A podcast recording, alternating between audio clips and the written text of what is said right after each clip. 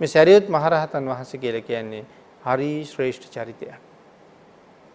උන්වහන්සේගේ අසීමාන්තික ගුණ කදම්බය මාස ගානක් සාකච්ඡා කරලවත් ඉවර කරන්න බැරි තරම්. හරීම නිහතමානී කෙනෙක්.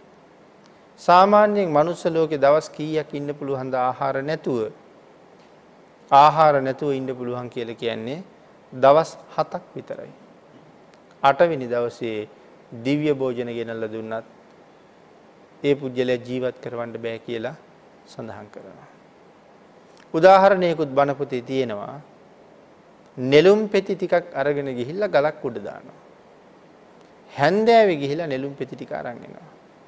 මහ පූට කව්වේ පිච්චිලා පිච්චිලා තියෙන නෙළුම් පෙති වලට රෑලි වෙනකන් වතුර වැක්කිරුවත් ප්‍රകൃති තත්වයට එන්නේ එන්නේ නැහැ. ආන් ඒ වගේ තමයි හත් දවසින් පස්සේ මොනවා කන්න දුන්නත් මනුස්ස ලෝකේ කෙනෙක් රකින්න රකින්න බෑ.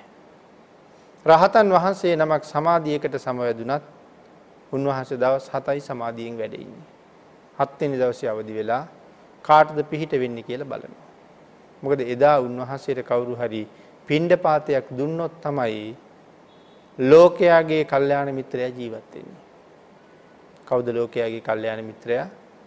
මහරහතන් වහන්සේ. බුද්ධ ආදී මහ උතුමන් වහන්සේලා.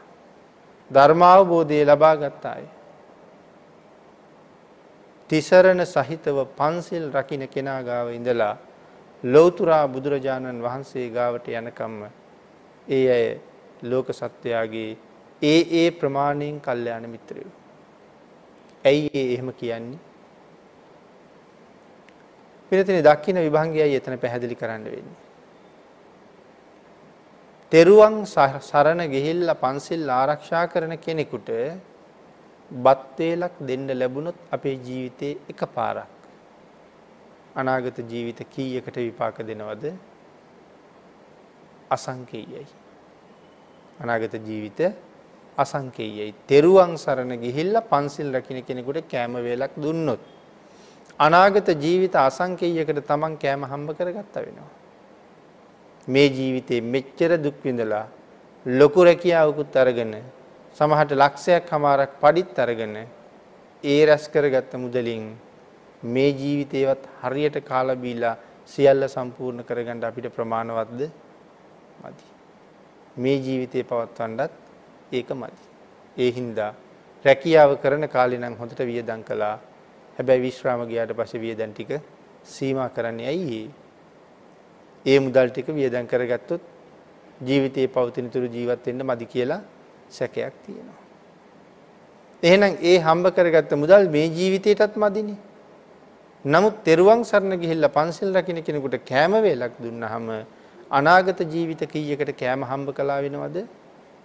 අසංකේයයකට. එහෙනම් දානේ නම් මොන තරම් ශ්‍රේෂ්ඨද? හැබැයි ඒ කෑම හම්බ වෙන්නේ කොහොමද? අපි දුන්න විදිහට තමයි හම්බ වෙන්නේ. තිරිසන් සතෙකුට කෑම වේලක් දුන්නාම කොහොමද? අනාගත ජීවිත 100යි. එතකොට තිරිසන්නුන්ට කෑම දෙන්න එක එක විදිහවල් තියෙනවනේ.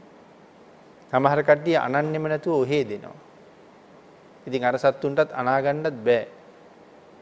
එතකොට ඒගොල්ලන්ට ප්‍රණීතමත් නෑ. මං දුන්නේ එහෙමනම් මට හම්බෙන්නේ එහෙම කියන එක අමතක කරන්න එපා.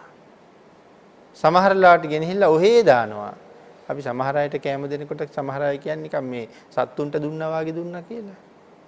ඔහේ ගිහිල්ලා එක්ක වැල්ලෙම දානවා. අරගොල්ලෝ වැලිත් එක්ක කන්න ඕනේ. අපිට සංසාරේ හම්බ වෙනවා. හැබැයි හම්බෙන්නේ එහෙම.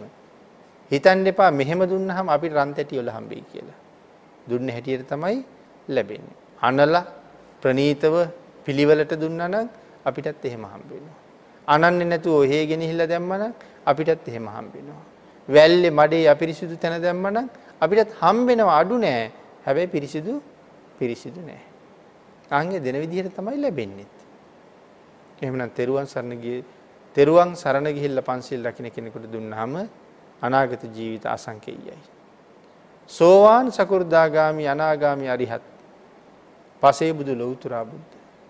මේ උතුමන් වහන්සේලාට දන් දුන්නාම ලැබෙන ආනිසංස ප්‍රමාණය දේශනා කරලවත් නැහැ. එහෙනම් තෙරුවන් සරණ ගිහිල්ලා පන්සිල් රකින්න කෙනාගේ ඉඳලා ලෞතුරා භාග්‍යතුන් වහන්සේ දක්වා ආය ලෝක සත්‍යයාගේ කල්යාණ මිත්‍රයෝ නෙමෙයිද? ඒ අය සිල් රැකගන්නේ ඒ අයගේ සංසාර විමුක්තිය උදෙසා. භාග්‍යතුන් වහන්සේ පාරමිතා පුරලා ඉස්සරලා තමන්ගේ ජීවිතයේ සංසාරයෙන් එහා පැත්තේ තියලා සසරින් මුදවලා තමයි අපිව මුදව ගන්න කටයුතු කළේ. එහෙනම් ඔක්කොම කට්ටිය ලිඳේ වැටිලා. සේරට ලිඳේ වැටිලා ඉන්න අයට පුළුවන් ද ලිඳේ ඉන්න අය ගොඩ තියන්න? කවුරු හරි ලිඳෙන් ගොඩට වෙයන්නම ඕනේ. එතකොට තමයි ලිඳේ ඉන්න අය ගොඩ ගන්න වෙන්නේ. එහෙනම් අපේ බෝසතාණන් වහන්සේ සංසාරයෙන් එහා පැත්තට ගිහිල්ලා තමයි අපි එක්කෙනා එක්කෙනා සසරින් එළියට ගත්තේ. එක්කෙනා එක්කෙනා ගත්තා නෙමෙයි සමහර වෙලාවට ගන්නකොට ලක්ෂ ගණන් කෝටි ගණන් ගත්තා. හැබැයි උන්වහන්සේ එළියට ගිහිල්ලා. උන්වහන්සේත් මෙහෙම නතර වෙලා වැඩේ කරන්න කරන්න බැරි නිසා ඉස්සරලා ස්වార్థයයි හදාගත්තේ. ඊට පස්සේ පරාර්ථය. අපිත් එහෙමයි. කෙනෙක් පන්සිල් රකින්නවා කියලා කියහම තෙරුවන් සරණ ගිහිල්ලා කෙනෙක් සරණ ගිහිල්ලා පන්සිල් රැක්කහම එයාගේ පිනෙන් අපිට ගොඩ යන්න පුළුවන්ද? ඒ සීලය අපිට හම්බ වෙනවද? නෑ. හැබැයි ඒ සිල්වතා උදෙසා මොනව හරි දුන්නහම අපිට සංසාරي කෑම දුන්නොත් අනාගත ජීවිත අසංකේයයකට කෑම හිග නෑ. බීම දුන්නොත් බීම හිග නෑ, වස්ත්‍ර දුන්නොත් වස්ත්‍ර හිග නෑ. එතකොට කෙනෙක් සිල් රකින්නකොට අනික් අයට මොනතරම් යහපතක් වෙනවද? එහෙනම් සරියුත් මහරහතන් වහන්සේ වගේ කල්යාණ මිත්‍රයෙක්. හැබැයි උන්වහන්සේට හත් දවසට වඩා ජීවත් වෙන්න පුළුවන් කෑම නැතුව. සැරියුත් මහරහතන් වහන්සේට කොච්චර කල් ඉන්න පුළුවන්ද? බුදුරජාණන් වහන්සේ ඇරුණහම හත් දවසකට වඩා निराහාරව ඉන්න පුළුවන් එකම කෙනා සැරියුත් මහරහතන් වහන්සේ. අර්ධ මාසයක් निराහාරව වැඩ ඉන්න පුළුවන්. අපිට හත් දවසින් කෑම ලැබුණ නැත්නම් අනිවාර්යෙන් මැරෙනවා. එහෙනම් සමාධියෙන් අවදි වෙච්ච රහතන් වහන්සේටත් අද කවුරු හරි කෑම දුන්නොත් උන්වහන්සේ ජීවත් වෙනවා. අද කාගින්වත් කෑම ලැබුණ නැත්නම් උන්වහන්සේ පිරිනිවන් පානවා.